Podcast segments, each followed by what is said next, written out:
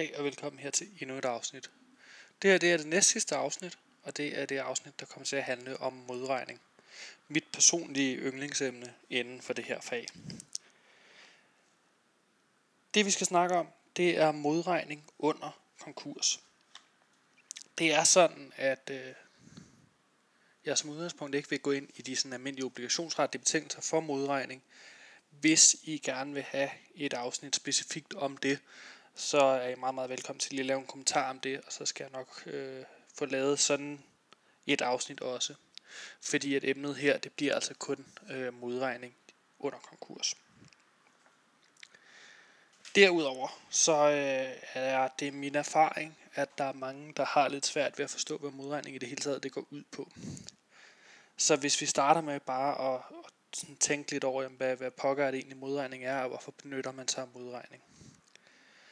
Hvis vi nu siger, at jeg skylder Mogens 100 kroner, og Mogens han skylder mig 100 kroner. Så har vi begge to et krav mod hinanden på 100 kroner, og så kan vi enten gå ned i banken, begge to hæve en 100 kroner seddel, og så kan vi give hinanden 100 kroner. Det er en lille bit smule omstændigt, og det kan også komme til at koste nogle gebyrer og alt muligt. Hvis vi begge to skal ned og hente en 100 kroner seddel, når det reelt set øh, fuldstændig går ud mod hinanden, det vi skylder hinanden. I stedet for at vi går ned og henter en 100 kr. seddel hver, så kunne vi lige så godt bare sige, at vi modregner vores krav. Så det jeg skylder dig, Mogens, det opvejes nu af det, som du skylder mig. Det giver rigtig god mening, når kravene er præcis lige store. Men hvis vi nu siger i stedet for, at jeg skylder Mogens 200 kroner, og Mogens skylder mig 100 kroner, jamen altså, så kan vi så modregne det, der går ud mod hinanden, de 100 kroner, og så skal jeg så godt nok lige ned i banken, hæve en 100 mand, og så give den til Mogens. Så modregning kan give rigtig god mening, både for privatpersoner, men så sandelig også for virksomheder, hvor det kan være forbundet med rigtig mange gebyrer og rigtig meget bøvl, og skulle ud og finde kontanter eller på anden måde have likvide midler, som man kan betale med, når man egentlig bare hele tiden handler med hinanden, og der er en mulighed for, at man en gang imellem kan sige, at ved du hvad, du skylder mig nogle penge, jeg skylder dig nogle penge, skal vi ikke bare lade dem gå ud mod hinanden, og så kalder vi det en dag. Det bliver meget lettere, og det kan også ende med at være billigere. Derfor så har man som udgangspunkt en stor interesse i at kunne modregne, og den interesse, den har man også lavet gå med ind i reglerne om modregning under konkurs. Det er nemlig sådan, at som udgangspunkt, så kan man modregne lige så meget under konkurs, som man ellers ville kunne modregne. Når vi snakker om modregning, så har vi to sådan helt grundlæggende øh, typer af modregning, som man skal kende til. Vi har det, der hedder Connect modregning, og så har vi noget, der hedder ikke Connect modregning. Connect modregning, det vedrører modregning af konnexe krav. Konneksitet, det handler om krav, der udspringer af det samme retsforhold. Så eksempelvis, hvis jeg nu skylder Mogens 100 kroner, fordi Mogens han har leveret et eller andet til mig, og det er så ligesom den betaling, jeg skal levere til Mogens. Jeg skylder ham pengene, for jeg har ikke betalt det nu. Det er blevet et kreditkøb, det her. Øh, og så øh, finder jeg lige pludselig ud af, om den her vare, som jeg øh, har fået af Mogens, jamen den er fyldt med en masse mangler, og hvis jeg benytter den vare, så bliver jeg øh, knaldhammerne syg, øh, så jeg har lige pludselig et erstatningskrav. Og det ender måske med, end, da jeg bliver så syg, at øh, jeg ikke kan arbejde i 14 dage, og jeg skal have, have dækket min løn for det. Jamen så kan vi gå ind og sige, at begge de krav, de udspringer af det samme retsforhold. De udspringer begge to af den her vare, øh, altså aftaler om vare, som Mogens har solgt mig. Og der må vi så sige, jamen altså, der kan vi modregne ligegyldigt hvad, fordi det er Connext. Det er sådan, at Connext modregning, det bliver ikke påvirket af, om man er under konkurs. Hvis det derimod ikke er Connext, så vil kravene blive påvirket under en konkurs. Og så kan man ikke modregne lige så tosset, som man vil. Så er der nogle få regler, som man bliver nødt til at respektere. Så det er altså de to helt store forskelle, der er på Connex modregning og ikke Connex modregning. Uden at øh, sige hverken øh, for lidt eller for meget, så øh, kan man nok ikke øh, så meget forestille sig, at i en eksamenssituation, at man skulle blive stillet over for connects modregning. Fordi hvis man bliver stillet over for to connects krav, og man bliver spurgt, jamen kan de modregne, eller kan de ikke modregne, så er det lidt kedeligt, når svaret er, jamen de kan jo altid modregne, fordi det er connect. Så derfor i eksamenssituationer, så vil det som det helt klare udgangspunkt altid være ikke connects modregning. Det er det. Så skal vi simpelthen i gang med de her særlige regler om ikke connects modregning under konkurs. Og normalt, når jeg øh, skal prøve at forklare det her til folk, så plejer jeg at sidde og tegne. Så det bliver øh, første gang, hvor vi øh, kører det her uden tegninger, og det, øh, det, det betyder så, at jeg vil prøve at lave en, en hvad skal vi kalde det, virtuel tegning. Øh, og hvis du sidder ned, så vil jeg anbefale, at du tager et, øh, et stykke papir og en kuglepen eller et eller andet, og så simpelthen laver en tegning samtidig, fordi det gør, at tingene giver lidt mere mening. Det er sådan, at som udgangspunkt, så må man jo modregne lige så tosset man vil. Der er bare nogen, måder, man ikke må modregne på. Hvis man starter med på sin sit stykke papir, så laver man en linje, en vandret linje, og så laver man to lodrette linjer ned igennem. Den ene lodrette linje, den repræsenterer fristdagen, altså den dag, hvor der bliver indleveret begæring om konkurs, rekonstruktion eller gældsanering. Og den anden linje, den repræsenterer dekretdagen, altså den dag, hvor skifteretten slår med hammeren og siger, Mogens, nu er du under konkursbehandling. Så har vi altså en linje med de her to streger. Det betyder, at vi har tre forskellige perioder. Vi har en periode, der hedder før fristdagen. Vi har en periode, der hedder mellem fristdagen og dekretdagen. Og en periode, der hedder efter dekretdagen. Der er det sådan, at man må modregne, hvis begge krav, altså både mit krav og Mogens' krav, er opstået på den samme side af en af de her dage. Så hvis begge vores krav er opstået i den periode, der er før fristdagen, så må vi modregne lige så tosset vi vil. Det står oppe i konkurslovens paragraf 42 stykke 1. Hvis begge vores krav er opstået mellem fristdagen og dekretdagen, så må vi også modregne lige så tosset vi vil. Det står i konkurslovens paragraf 42 stykke 2. Og hvis begge krav er opstået efter dekretdagen, så kan man også modregne lige så tosset man vil. Det står i konkursloven, men det følger af helt almindelige regler. Til gengæld, hvis det ene krav er opstået før fristdagen, og det andet krav er opstået efter fristdagen, så må man ikke modregne. Det samme, hvis det ene krav er opstået efter fristdagen, men det andet er opstået efter dekretdagen, så kan man heller ikke modregne. Så det man skal tænke på, det er, så længe begge krav er i den samme periode, så kan man modregne lige så tosset man vil. Hvis det sker på tværs af perioder, så kan man ikke modregne. Og det er altså de ting, man skal have udledt af konkurslovens paragraf 42 stykke 1 og 2. Det er en af de ting, der kan være svært, men hvis man får det tegnet op, så plejer det at kunne give rimelig god mening.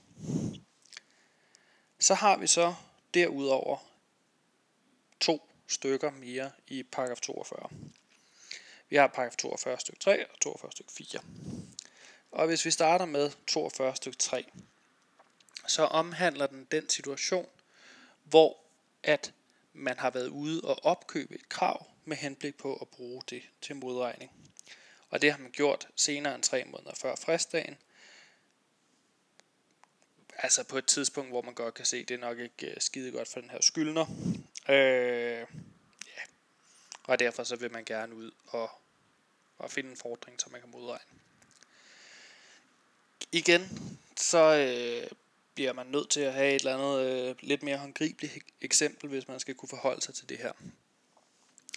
Hvis vi nu siger, at vi har en situation, hvor at, lad os kalde ham Mogens, han er ved at gå konkurs, og jeg skylder Mogens 100 kroner.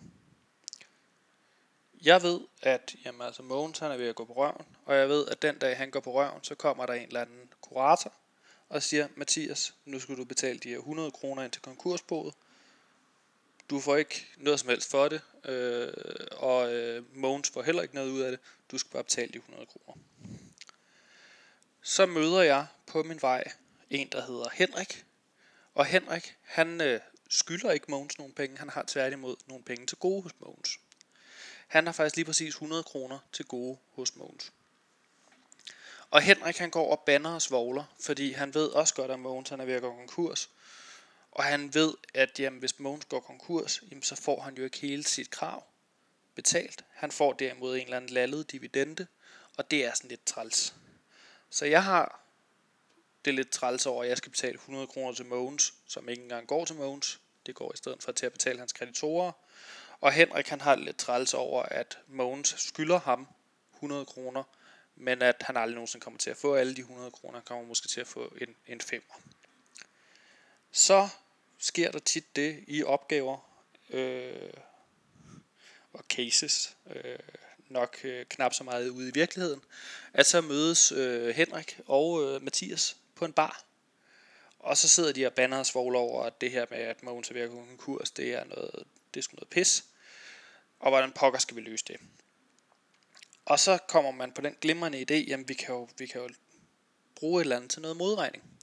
Til det der sker, det er, at jeg køber Henriks krav mod Mogens. Fordi så har jeg jo lige pludselig et krav mod Mogens på 100 kroner, samtidig med at jeg skylder Mogens 100 kroner. Og så kan jeg bruge de krav til modregning. Og så skal jeg jo lige pludselig ikke betale 100 kroner ind. Det er ligesom incitamentet fra min side. Hvis man kigger fra Henriks side, jamen han står lige nu til at få en eller anden femmer fra Mogens' konkursbo. Det er ikke særlig fedt. Men hvis jeg nu siger, jamen jeg vil gerne betale dig en 50'er for at få lov til at købe det her krav, så får han lige pludselig 10 gange så mange penge. Men til gengæld så vil jeg være interesseret i at betale en 50'er. Fordi det er jo federe for mig at betale en 50'er for at få det her krav, så jeg kan modregne, end det er at betale en, øh, en 100 mand ind til konkursboet. Fordi at begge parter vil have det her incitament, og fordi at det kan være en måde, hvor man ligesom kan tømme et konkursbo, simpelthen ved at der ikke kommer nogen penge ind i det, jamen så har man blevet nødt til at lave nogle regler, der siger, at jamen, de her fordringer, man går ud og opkøber senere end tre måneder før fristdagen, dem kan man altså ikke bruge til mod, modregning over for skylderen, skyldneren. Og hvis man ved, at øh, man opkøber fordringer mod en person, der er virker konkurs, og man ligesom ved det på et tidligere tidspunkt end de her tre måneder før fristdagen, jamen så gælder der en tilsvarende regel. Så der kan man altså gå længere tilbage. Det er konkurslovens paragraf 42 stykke 3, altså forbuddet mod at modregne med opkøbte krav. Så kommer der så den næste bestemmelse. Den, som man siger, at man ikke må lave en modregning, der kan sidestilles med en omstødelig betaling. Eksemplet her, det er, at Mogens, det, det er vildt, at han er kommet til at hedde Mogens i det her eksempel, det, er, det er første gang, jeg har brugt det navn, men øh, så kan man huske det, og det er jo meget godt. Altså, Mogens, han skylder mig 100 kroner. Og Mogens og mig, vi er gode venner. Og øh, Mogens, han synes, det er super træls, at han ikke, altså, han kommer ikke til at kunne betale med de her 100 kroner. Han ved, at øh, han har ikke rigtig nogen penge. Han ved, at han er ved at gå konkurs. Og han har et eller andet fjernsyn stående, så man tænker, jamen altså, for at jeg stadig kan være venner med Mathias efter, at jeg er gået konkurs, jamen så vil jeg gerne betale det, jeg skylder Mathias, ved at give ham det her fjernsyn. Men så Mogens, han har også læst jura, og han kender øh, konkurslovens paragraf 67. Det her med, at man ikke må lave en betaling med et usædvanligt betalingsmiddel. Og der må man jo sige, at hvis man betaler sin gæld med et fjernsyn, det er om noget et usædvanligt betalingsmiddel. Så den går ikke. Så skal man finde ud af, hvordan pokker kan man så gøre det på en måde, så man skjuler det og så kurator ikke finder ud af det lige så hurtigt, fordi kurator finder meget hurtigt ud af, hvis man har betalt med et fjernsyn. Så det der sker i stedet for, det er, at Mogens han selv er mig det her fjernsyn på kredit. Så jeg har lige pludselig fået et fjernsyn, og så skylder jeg Mogens 100 kroner. Og så i stedet for, at vi går ned i banken begge to, og jeg hæver 100 kroner, og han hæver 100 kroner, jamen så siger vi bare, jamen så modregner vi de to krav. Og så det, der jo reelt set er sket, det er, at så har Mogens betalt mig, altså den gæld, han har til mig, ved hjælp af det her fjernsyn. Og det var jo det, man gerne ville undgå. Så derfor så har man den her regel nede i stykke 4, hvor man siger, at du må ikke lave en modregning, der kan sidestilles med en omstødelig betaling. Og det er simpelthen for at sikre, at man ikke lige bliver øh, super smart i øh, de sidste timer før konkursen, og begynder at lave sådan nogle arrangementer, som man godt ved ikke vil kunne lade sig gøre under paragraf 67, men så får man dem alligevel lige til at ligne noget andet, og så håber man, det kan gå igennem. Den går altså ikke. Det er sådan med alle de her modregningsregler, at hvis man har lavet en modregning, før at personen er gået konkurs, så er der mulighed for at omstøde de modregninger, altså de modregninger, der er sket i strid med loven. Det kan øh, omstødes efter konkurslovens paragraf 69. Det var konkurslovens paragraf 42, som er den helt store øh, modregningsparagraf, og den, som ligesom kan volde nogle problemer. Der er lige to paragrafer mere, vi også skal igennem, og derefter så, øh, så kan jeg ikke sige så meget mere om modregning. De to næste paragrafer, de er til gengæld noget lettere. Det er nemlig sådan, at i paragraf 43, der står der, at man ikke må modregne med efterstillede krav. Så altså hvis man har et efterstillet krav mod et konkursbo, jamen så kan man ikke bruge det til modregning. Og grunden til, at man ikke kan det, jamen det er eksempelvis altså efterstillet krav, det kan jo være gaveløfter. Og hvis vi nu har en situation, hvor at jeg skylder igen Mogens nogle penge, og så tænker Mogens, hjem, altså, Mathias han skal sgu ikke betale de her penge ind til mine kreditorer, fordi det er der ikke nogen af os, der har lyst til. Så lige før Mogens han går konkurs, så giver han mig et gaveløfte, og siger, ja Mathias, jeg vil gerne give dig en gave på 100 kroner. Så skylder han mig jo reelt set 100 kroner, og så på den måde kan vi modregne. Men fordi at gaveløfter, de er nævnt nede i paragraf 98 som efterstillet krav, jamen så står der altså i paragraf 43, at det kan vi ikke bruge til modregning. Igen fordi, at ellers så var det jo muligt mellem øh, gode kammerater og simpelthen gå ind og tømme et konkursbo fuldstændig. Og det vil man jo gerne undgå. Så ingen modregning med efterstillet krav. Derudover så må man heller ikke modregne med betingede krav. Det står i paragraf 44. Og det giver jo også god mening, altså at du ikke kan få lov til at benytte et krav til modregning, hvis der er en eller anden betingelse, der skal være opfyldt, for man har et krav. Derfor så skal man sørge for, at man heller ikke modregner med den type krav. Det er så sådan, at hvis man på et senere tidspunkt opfylder den her betingelse, så har man så krav på at få udbetalt det, øh, som man har indbetalt. Altså fordi man jo ikke kunne modregne, så skal man indbetale nogle penge til konkursboet. Det, der så ligesom ville være værdien af modregning, det er, at man vil ikke skulle betale de penge, de skal så betales tilbage som massekrav, hvis den her øh, betingelse på et senere tidspunkt bliver opfyldt. Så det er simpelthen reglerne om modregning under konkurs. For at lave en øh, kort opsummering, så må man altid modregne med connexekrav. Af den grund så er connexekrav ikke super relevant i forhold til eksamensopgaver eller cases i det. Øh, det kan til gengæld være nok så relevant ude i virkeligheden. Derudover må man ikke modregne på tværs af de her perioder, som vi tegnede op i starten. Man må heller ikke modregne med krav, som man har opkøbt senere end tre måneder før fristdagen. Man må heller ikke modregne, hvis det kan sidestilles med en omstødelig betaling. Man må ikke modregne med efterstillede krav, og man må heller ikke modregne med betingede krav. Og hvis man har lavet en modregning før, at vedkommende er gået konkurs, som er sket i strid med de her regler, jamen så kan det omstødes efter konkurslovens paragraf 69.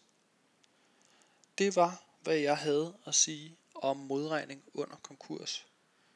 Som sagt, mit personlige yndlingsemne, det håber jeg også lidt, at det her det har øh, båret præg af, at man har kunne høre, at det er, at det er et fedt emne. Jeg vil sige tusind tak for, at du har lyttet med, og jeg håber også, du vil lytte med i det sidste afsnit, der kommer til at være om de gensidigt bebyrdende kontrakter. Derudover så vil jeg opfordre til, at hvis der er et eller andet emne, hvor du tænker, det kunne man godt bruge lige et ekstra eksempel til, eller du gerne vil have en øh, separat podcast om de almindelige betingelser for øh, modregning eller et eller andet, så er du meget velkommen til at øh, smide en kommentar eller en mail til mig, fordi så skal jeg nok prøve at se, om jeg kan øh, få lavet sådan en eller anden form for opfølgnings podcast, hvor vi tager alle de der emner i. Men som sagt, tusind tak for at du har lyttet med. Jeg håber, vi lyttes ved, og rigtig god aften.